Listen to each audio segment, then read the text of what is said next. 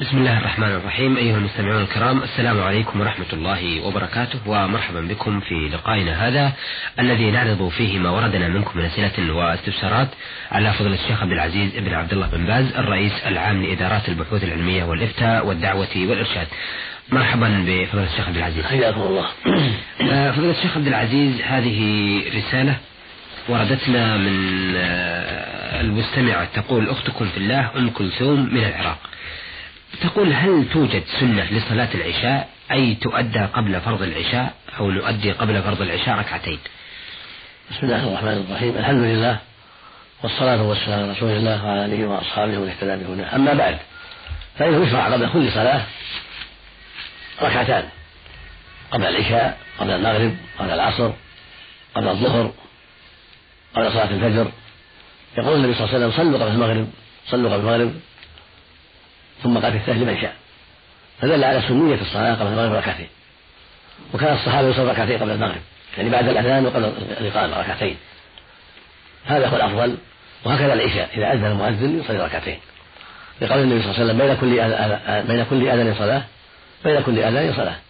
بين الأذانين صلاة بينها النبي صلى الله عليه وسلم. يدخل فيها العشاء. إذا أذن العشاء شرع للجالسين في المسجد أو الوافدين أن يصلوا ركعتين. سنة قبل العشاء في حق الداخلين في حق المقيمين في المسجد وسنة لمن دخل تحية المسجد وفعل هذه السنة بين الأذانين يجمع بين صلاة بين الأذانين وبين كونه يؤدى التحية. وهكذا الظهر إذا دخل إذا كان جالس في المسجد وأذن يقول صلي ركعتين أو أربع أفضل أربع ركعات أفضل في الظهر. نعم. تقول عائشة رضي الله عنها كان النبي صلى الله عليه وسلم لا يدع أربع قبل الظهر بعد دخول الوقت يعني أربع أربع ركعات تسليمتين وهكذا بعد العصر قبل العصر أربع ركعات. يقول النبي صلى الله عليه وسلم رحم الله رأى صلى أربعة قبل العصر. ويصلي ركعتين قبل العصر فحسن للحديث السابق بين كل أذن صلاة وإن جعل أربعا هو أفضل من الحديث السابق أيضا رحم الله رأى صلى أربعة قبل العصر. فهذه سنن قبل هذه الصلوات قبل الظهر ثنتان أو أربع وهو أفضل أربع. قبل العصر أربع ويصلي ركعتين كفى أيضا. قبل المغرب ركعتان. قبل العشاء ركعتان. كل هذه سنن قبل الفجر ركعتان أيضا سنة راتبة قبل الفجر. نعم. آه، لكن آه، الإقامة هل تعتبر أذان يا شيخ؟ نعم سمى أذان. لقول النبي كل أذان عليه الصلاة سمع أذان عليه الصلاة والسلام. نعم. اذا آه، إذا كانت تعتبر الإقامة اذان فالرسول صلى الله عليه وسلم أمرنا أن نقول مثل ما يقول المؤذن وطبعا نقول مثل ما يقول المقيم. نعم. لكن كثير من الناس إذا اقيمت الصلاة قال اللهم أقمها وأدمها أقامها الله وأدامها ويأتون بغير إجابة الأفضل أن يجيب المقيم كالمؤذن نعم. كبرهم معه شهدوا معه. نعم. وإذا جاء حي يقول لا حول ولا قوة إلا بالله. إذا قال قد قام الصلاة قد قامت الصلاة قد قامت الصلاة. مثله مثل مثل المقيم. نعم. الله أكبر الله لا إله إلا الله. ثم يأتي بعد هذا بالصلاة على النبي صلى الله عليه وسلم. ثم بقول اللهم رب هذه الدار التام كالأذان سواء. كالأذان هذا هو الأفضل. أما قول بعض الناس أقامها الله وأتانا اللهم أقمها وأدمها هذا لم يصح عن النبي صلى الله عليه وسلم. يأتي حديث ضعيف لا يصح. نعم. فالسنة والأولى أن يفعلوا في الأذان في الإقامة مثل ما يفعلون في الأذان. سواء بسواء. إلا عند الإقامة يقول قد قامت الصلاة مثل المؤذن. مثل ما يقول في أذان الفجر الصلاة خير من النوم الصلاة مثل مثل المؤذن. سواء. نعم. أيضا كثير من الناس قال إذا سمعت المؤذن فقولوا مثل ما يقول. نعم. صلى الله عليه وسلم. كثير من الناس إذا سمع المؤذن الفجر يقول الصلاة خير من النوم يقول آه، حقا الصلاة خير من النوم. فيزيد حقا. لا ما لها أصل. ما لها أصل. بعضهم يقول صدق الله ورسوله. نعم. بعضهم قال يقول صدقت وبررت والصواب يقول مثل المؤذن سواء الصلاة خير من النوم لا يزيد شيء. نعم. هذا هو الأفضل. عملا بقوله صلى الله عليه وسلم إذا سمعتم مؤذن فقولوا مثل ما يقول نعم. صلى الله عليه وسلم. نعم آه سؤال للأخت في الله أم كلثوم من العراق. آه الثاني تقول ما هي صلاة الشفع وصلاة الوتر وكم عدد ركعات الوتر التي كان يصليها رسول الله صلى الله عليه وسلم؟ الشفع معناه ركعتان هذا الشفع. نعم. سمى ركعتان شفع. والوتر واحدة. والسنة الايثار بواحدة. أو ثلاث. أو خمس أو سبع أو تسع أو إحدى عشرة أو ثلاثة عشرة أو أكثر من ذلك. لكن الأفضل إحدى عشرة هذا هو الأفضل. لأن هذا في الغالب هو النبي صلى الله عليه وسلم. كان في الغالب يواظب على إحدى عشرة ركعة عليه الصلاة والسلام. وربما أوتر بثلاثة عشرة. وربما أوتر بتسع أو بسبع أو بأقل من ذلك. لكن كان غالب إيثاره صلى الله عليه وسلم يوتر بإحدى عشرة. يسلم من كل اثنتين ثم يوتر بواحدة عليه الصلاة والسلام. هذا هو الأفضل. وإذا أوتر الإنسان بثلاث أو بخمس أو بسبع أو بتسع فكله طيب. وهو والوتر نافلة ليس بفرض على الصحيح. الذي عليه جمهور أهل العلم أنه أنه سنة وليس بواجب. الوتر تهجد بالليل وأقله واحدة ركعة واحدة بعد العشاء بعد راتبة العشاء هذا أقله. وإذا أوتر بثلاث أفضل وبخمس أفضل وبسبع أفضل وهكذا. نعم. لكن إذا بلغ إحدى عشرة فهو, فهو أفضل. وإن زاد وأوتى بثلاث عشرة أو بخمس عشرة أو بسبع عشرة أو بأكثر من هذا فلا بأس. الأمر واسع. لقول النبي صلى الله عليه وسلم لما سئل عن صلاة الليل قال مثنى مثنى ولم يحدد عددا. ثم قال فإذا خشي أحدهم الصبح صلى ركعة واحدة توتر له ما قد صلى. هذا يدلنا على أن الوتر يكون ركعة في آخر في آخر الصلاة سواء كان في أول الليل أو في وسط الليل أو في آخر الليل. يوتر بواحدة نعم. وليس له حد محدود. فإذا أوتر بعشرين ركعة مع الوتر كما في التراويح الذي المنقول عن عمر رضي الله عنه وأرضاه أو أوتر بثلاث عشرة أو بإحدى عشرة كما جاء النبي صلى الله عليه وسلم في إتاره في صلاة الليل أو أوتر بسبع أو تسع أو خمس أو ثلاث كل هذا لا بأس به وأقله واحدة في أول الليل أو آخره. نعم. آه، هي تسأل عن عدد ركعات الوتر التي كان يصليها الرسول وقد عرفناها من إجابته 11 نعم. هذا غالب نعم. ربما أوتر بأقل وربما أوتر بأكثر 13 صلى عليه وسلم. نعم. آه، أيضا تسأل تقول ما هو القنوت أي ما معنى القنوت؟ القنوت له معاني منها دوام الطاعة منها الخشوع منها السكوت لكن مراد القنوت في الوتر أن يأتي بدعوات بعد الوتر. نعم. علمها النبي صلى الله عليه وسلم الحسن بن علي. إذا رفع من الركوع في الركعة الأخيرة التي يوتر بها يقول بعد الركوع وبعد ذكر المشروع ربنا ولك الحمد الآخرة يقول اللهم اهدني فيمن هديت وعافني فيمن عافيت وتولني فيمن توليت وبارك لي فيما أعطيت وغني شر ما قضيت. فإنك تقضي ولا يقضى عليك وإنه لا يذل من وليت ولا يعز من عليك تبارك ربنا وتعالى. اللهم إني أعوذ برضاك من سخطك وبعفوك من عقوبتك وأعوذ بك منك. لا أحسن عليك أنت كما أثنيت على نفسك. هذا مشروع في قنوت الوتر. سواء كان أوتر في أول الليل أو في وسط الليل أو في آخره. وهذا علمه النبي صلى الله عليه وسلم الحسن بن علي. قال عليه الصلاة والسلام تقولهن في قنوت الوتر. اللهم اهدني فيمن هديت وعافني فيمن عافيت وتولني فيمن توليت وبارك فيما أعطيت وقني شر ما قضيت. فإنك تقضي ولا يقضى عليك.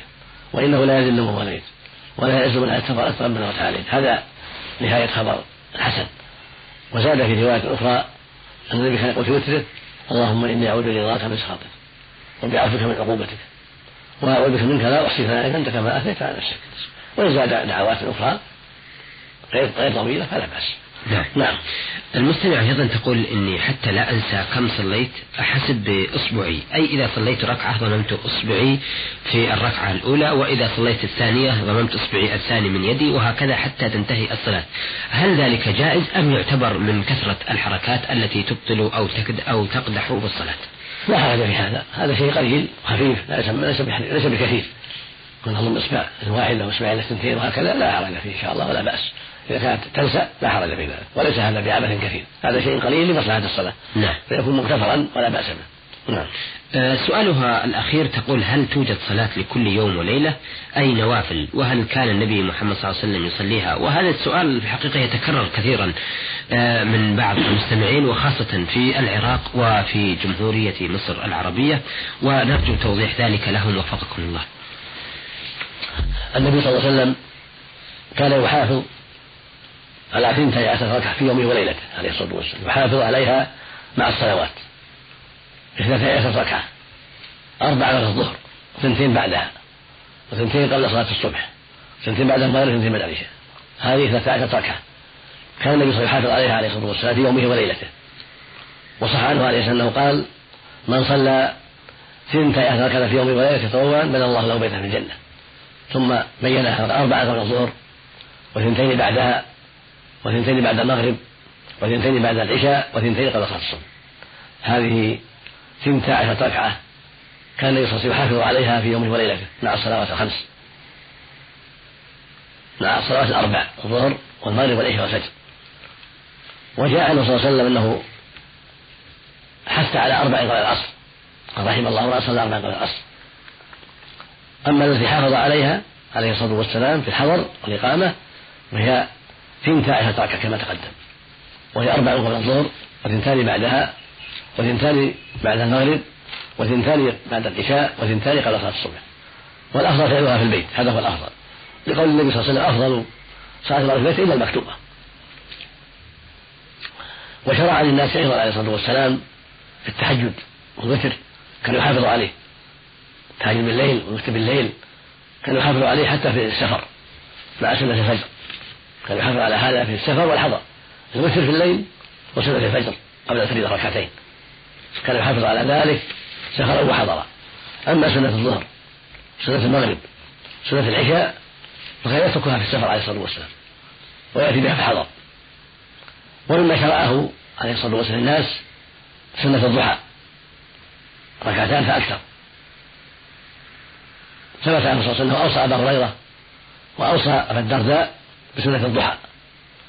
وصيام ثلاثة من كل شهر والإيثار قبل النوم. وكان أسباب ذلك والله أعلم أنهما يشتغلان بالحديث في أول الليل فأوصاهما بالبيوت أول الليل. أما من كان يطمع أن يقوم آخر الليل فالبيوت آخر الليل أفضل كما هو فعله صلى الله عليه وسلم وكما أوصى به النبي صلى الله عليه وسلم. حيث قال من خاف أن لا يقوم آخر الليل فليوتر أوله. ومن طمع أن يقوم آخر الليل فليوتر آخر الليل. فإن صلاة آخر الليل مشهودة وذلك أفضل رواه مسلم في الصحيح. فالإيتار في آخر الليل أفضل لمن طمع في ذلك وقدر عليه. أما من خاف أن يقوم من آخر الليل فيوتر في أول الليل هذا هو الأفضل له. فهذه الأشياء التي كان يحافظ عليها النبي صلى الله عليه وسلم ويدعو إليها عليه الصلاة والسلام بيناها في جواب السائلة. نعم. فينبغي للمسلم أن يحافظ على هذه الأشياء وأن يعتني بها كما اعتنى بها نبينا صلى الله عليه وسلم وحافظ عليها عليه الصلاة والسلام وحث عليها الأمة. اللهم صل عليه وسلم نعم. آه الأخت نورة عبد العزيز العبيد من القصيم من عنيزة تبعث بهذه الرسالة مع الشكر والسؤال بطول العمر على عمل زود عمل صالح وتقول ما حكم اقتصار اسم الرسول أو اختصار اسم الرسول صلى الله عليه وسلم مثل صلعان؟ ما ينبغي هذا؟ ينبغي لمن كتب اسم النبي صلى الله عليه وسلم أو نطق به أن يصلي صلاة كاملة صلى الله عليه وسلم. ولا يقول صلعا ولا صال فقط. هذا كسل لا ينبغي. بل السنة والمشروع أن يكتب الصلاة صريحة فيقول صلى الله عليه وسلم أو عليه الصلاة والسلام. لأن الله قال جل وعلا إن الله وملائكته يصلون على النبي. يا أيها الذين آمنوا صلوا عليه وسلموا تسليما. ويقول النبي صلى الله عليه وسلم من صلى عليه واحدة صلى الله عليه بعشرة. وجاء عنه عليه السلام جبريل أخبره أنه صلى عليه واحد صلى الله عليه بعشرة ومن سلم عليه واحد سلم الله عليه بها عشرة الحسنة بعشر أمثالها. فلا ينبغي للمؤمن أن يكسل ولا للمؤمن أن تكسل عند الكتابة أو عند النطق باسمه صلى الله عليه وسلم على الصلاة والسلام عليه خطا ولفظا أما الإشارة بالصاد أو بصلعا هذا لا ينبغي. نعم. أيضا لدى الأخت نورة من القصيم سؤال آخر تقول فيه ما حكم القول آه، سيدنا محمد صلى الله عليه وسلم؟ أه تقول أه وما معنى هذا الحديث عن عبد الله بن الشخير رضي الله عنه؟ انطلقت في وفد بني عامر إلى رسول الله صلى الله عليه وسلم فقلنا أنت سيدنا؟ فقال السيد الله تبارك وتعالى قلنا أفضلنا فضلا أو قلنا وأفضلنا فضلا وأعظمنا طولا قولا أه فقال قولوا بقولكم أو بعض قولكم ولا يستجرينكم الشيطان. رواه أبو داود بسند جيد. الرسول صلى الله عليه وسلم هو سيد ولد آدم عليه الصلاة والسلام بلا شك وبإجماع أهل العلم لأنه قال عليه الصلاة والسلام أنا سيد ولد آدم يوم القيامة ولا فخر هو سيد ولد آدم وأفضلهم عليه الصلاة والسلام لما خصه الله من الرسالة العامة والنبوة والعبودية الخاصة والفضل العظيم الكثير الذي جاءت به الأحاديث ودل عليه القرآن الكريم. فهو أفضل عباد الله وهو سيد ولد آدم عليه الصلاة والسلام ولا بأس ولا حرج في أن يقول الإنسان اللهم صل وسلم على سيدنا محمد وعلى آله وأصحابه. هذا كله لا حرج فيه. إلا في المواضع التي شرع الله فيها كمحي رسمه وعدم ذكر السيد فيها فإنه لا يأتي بالسيد فيها. مثل التحيات يقول أشهد أن لا إله إلا الله وأشهد أن محمدا عبده ورسوله. لأن لم يرد في هذا المقام ذكر السيد. نعم. فالأولى الاقتصار على ما جاء في النصوص. وهكذا في الأذان والإقامة. يقول أشهد أن محمدا رسول الله في الأذان وفي الإقامة ولا يقول أشهد أن سيدنا محمد رسول لا لعدم ورود فلما لم يرد النصوص واستمر المسلمون على عدم ذكر السيد هنا في الصلاة في الأذان والإقامة الصحابة وغيرهم كلهم لم يفرض عنهم أنهم قالوا في الأذان والإقامة سيدنا محمد. بل يقول أشهد أن محمدا رسول يقول المؤذن والمقيم. وهكذا في الصلاة يقول أشهد أن لا إله إلا الله وأشهد أن محمدا رسول هذا هو الأفضل. أما في المواضع الأخرى مثل الخطبة في الجمعة أو في الأعياد لا بأس. الأمر في موسع أو الخطبة في في المحاضرات والمؤلفات كل هذا لا بأس. به لأنه حق لأنه سيد ولد آدم عليه الصلاة والسلام. وأما ما جاء في حديث الله من الشخير فقد قال العلماء فيه إنه قال سيد الله تبارك وتعالى من باب التواضع ومن باب الخوف عليه أن يغلو فيه ويطروه عليه الصلاة والسلام فيقع في الشرك. فخاف عليه صلى الله عليه وسلم وقال السيد الله تبارك وتعالى ما حق هو سبحانه سيد الجميع وهو الملك الأعظم السيد هو الملك والحاكم. فالله جل وعلا هو أحكم الحاكمين وهو ملك الملوك سبحانه وتعالى. فتسميته بالسيد لا محذور فيه ولا إشكال فيه. فهو ملك الملوك وأولى اسم السيد من غيره سبحانه وتعالى. سبحانه. لكن هذا الاسم لا بأس يطلق على غيره. والنبي صلى الله عليه وسلم قال من سيد بني فلان؟ من سيد بني يسأل الصحابة.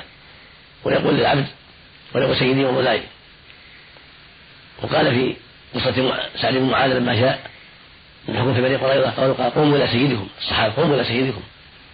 وقال في الحسن ابن ابنة الحسن بن علي إن ابن هذا سيد ولعن الله سبحانه بين بين بين فئتين عظيمتين فحقق الله ما قال وأصلح الله به بين أهل الشام والعراق. نعم. فهذا كله يدل على جواز إطلاق السيد على العالم والرئيس والملك وعليه صلى الله عليه وسلم أنه سيد ولد آدم. وأما قول سيد الله تبارك وتعالى فهذا بيان أن من اسماء الرب السيد وأنه ما ينبغي لمن وجه وقيل أنت سيدنا أو يا سيدنا انه يقول هذا الكلام. تواضعا وخشية لله سبحانه وتعالى وتعظيما له وتحذيرا للقائل من هذا الذي قاله لئلا يقع في الغلو والإطراء. إذا قال يا سيد يا فلان أنت سيدنا. فيقول المقول لا لا تقول لي هذا الكلام. السيد الله كما قاله النبي صلى الله عليه وسلم. نعم. تحريضا على التواضع وخوفا من الكبر والخيلاء لمن قيل له ذلك وخوفا من الغلو أيضا. قد يغلو فربما دعاه من دون الله أو استغاث به أو عظمه تعظيما لا يليق إلا بالله ولهذا أنكره النبي صلى الله عليه وسلم وقال السيد الله. وقال قولوا بقولكم أو بعض قولكم ولا يستجدنكم الشيطان. لا يجركم الشيطان إلى الشرك والغلو هذا كله تواضع منه صلى الله عليه وسلم وتحذير الأمة من الغلو والإطراء الذي قد يوقع يوقع الأمة في ما حرم الله. من الشرك الذي حرمه الله ووسائله. نعم. آه شكرا أثابكم الله. أيها السادة المستمعون إلى هنا نأتي إلى نهاية لقائنا هذا الذي عرضنا فيه رسائل آه الأخت في الله أم كلثوم من العراق والأخت نورة عبد العزيز العبيد من القصيم من عنيزة التي تسأل عن اختصار اسم الرسول صلى الله عليه وسلم والصلاة عليه بصلعم وأيضا آه تسأل عن قول سيدنا للرسول صلى الله عليه وسلم. عرضنا الأسئلة والاستفسارات التي وردت في رسالتيهما على فضلة الشيخ عبد العزيز بن عبد الله بن باز الرئيس العام لإدارات البحوث العلمية والإفتاء والدعوة والإرشاد. شكرا لفضل الشيخ عبد العزيز وشكرا لكم أيها السادة. وإلى أن نلتقي بحضراتكم نستودعكم الله. والسلام عليكم ورحمة الله وبركاته.